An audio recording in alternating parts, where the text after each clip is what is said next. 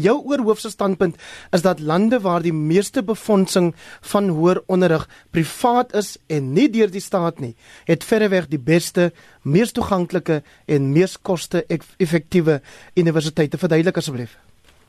Ja, kyk, ek het uh, gaan kyk na 'n klomp uh, inligting in in die vorm van indekse oor oor oor op opvoeding en na daar is uh, daar's uh, sulke indekse wat vir jou sê watter lande het die beste onderrig, dan sê hulle vir jou watter lande het die mees toeganklike onderrig want ek daarmee bedoel is waar die grootste persentasie wat ons nou sou noem matrikulante uh, by 'n tersiêre instelling uitkom. En dan derdens het ek gaan 'n berekening maak van watter lande se se se uh, opleiding is die mees koste-effektiewe opleiding. En dit beteken vir vir die aantal dollars of rande wat jy bestee wat is die waarde wat die land kry uh, in terme van beide daai kriteria met hulle gehalte en dan toegang. Jou standpunt in jou boek is dat hoe meer studente self betaal hoe beter is die kwaliteit opvoeding en die instellings waar hulle studeer. En uh, wat hulle gebied ja. word dan verduidelik dit ook asseblief Ja kyk ehm um, die die die prototipe is maar Amerika as dit kom by gehalte. Uh, op op die betrokke indeks kry Amerika uh, 100 uh, uit a, uit 100 nou oor dis die hoogste punt wat jy kan kry.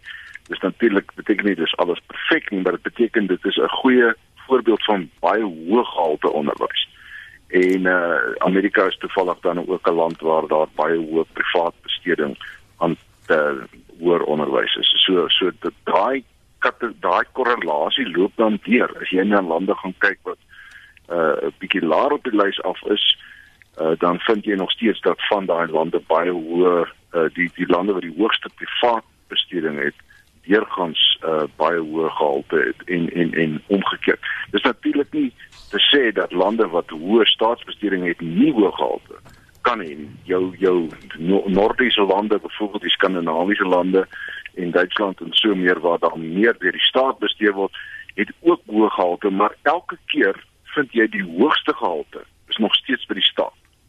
Uh, by by die private uh, instellings. En waar die waar die land se se se studente meerendeels privaat besteding gee. So dit is dit is dit is 'n uiters interessante uh, uh korrelasie. Terwyl jy in die middel het jy 'n klomp mense uh klomp lande wat uh, eenvoudig uh, swakker swakker gee. So hy loop met amper 'n U-kurwe, maar die beste tersiêre onderrig is definitief in die lande waar die meeste privaat besteding is. Ek haal vir jou aan van bladsy 219 uit jou boek To put it bluntly free education is a so show oh genade is a so far away to lower standards and retard excess maar jy besef dat in Suid-Afrika is die groot besprekingspunt die bekostigbaarheid of onbekostigbaarheid van tersiêre onderrig onderrig vir studente en natuurlik die inkomste vlakke van ons mense. Ja, dis 'n interessante een. Weet jy, ek het 'n uh, 'n goeie voorbeeld raak geloop wat vir my ontsettende verrassing was en dit is Jordanië.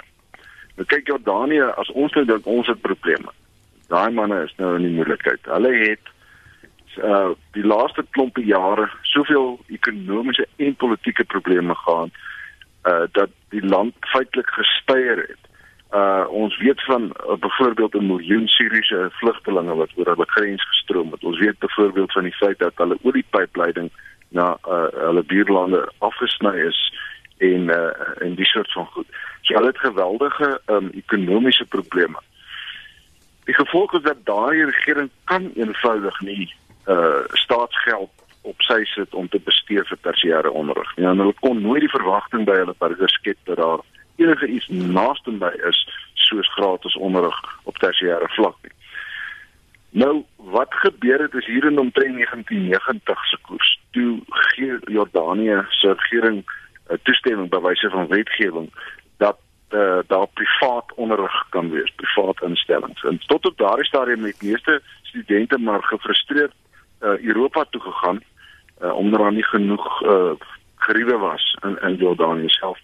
Vandag as gevolg van daai verandering wat dit moontlik gemaak het vir vir private instellings om in te kom en ook as gevolg van die feit dat die gehalte van die onderrig goed is as gevolg van hierdie verskynsel wat ek nou net van gepraat het van privaat opleiding.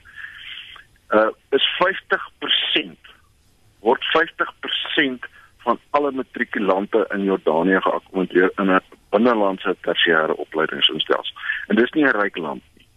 Dis 'n ryk is 'n land met dieselfde tipe inkomste groep as Suid-Afrika. So ek is uh, bevrees uh die verskil is dat daar 'n uh, aansporing geskep word vir mense om te studeer as hulle besef hoe belangrik dit is en uh hoeveel voordele daar daaruit kan trek en as hulle eenvoudig moet dan maak hulle 'n plan en en en uh, Jordanië is my voorbeeld daarvan. So ek ek koop nie die storie dat uh, net omdat mense arm is, kan jy nie uh, universiteitsopleiding kostig nie. Natuurlik beteken dit nie dat ons nie baie belangrike werk moet maak om byvoorbeeld reg reg te stel wat waar daar werkloosheid is. Werkloosheid in in in, in ons ekonomie in algemeen moet reggestel word. Want ek kan my voorstel dat uh, mense wat werkloos is van sukkel om te betaal vir vir vir tersiêre opleiding. So ons moet definitief daaraan eerste aandag gee en dan daarmee saam definitief aan basiese onderwys. Dit is ons grootste probleem. Hoekom meeste mense nie in Suid-Afrika studeer nie, verder studeer nie, is omdat hulle gewoonlik 'n uh, uh, basiese opleiding het. Frans, 'n uh, laaste vraag vir 'n baie kort antwoord asseblief. Jy sê die staat moet nie meer bestee nie. Ons moenie gratis hoër onderwys hê nie, maar die private sektor behoort 'n groter rol te speel. Ja, nee, absoluut. Ek ek wil graag sien dat ons dit dereguleer sodat ons private instellings kan floreer. Baie dankie dit dan advokaat Frans Rautenburg. Hy is 'n arbeidsregkenner en ook skrywer van die boek South Africa Can Work: How a Free Market and Decentralized Government Can Make Us a Winning Nation. Die boek is gisterand hier in Johannesburg bekend gestel.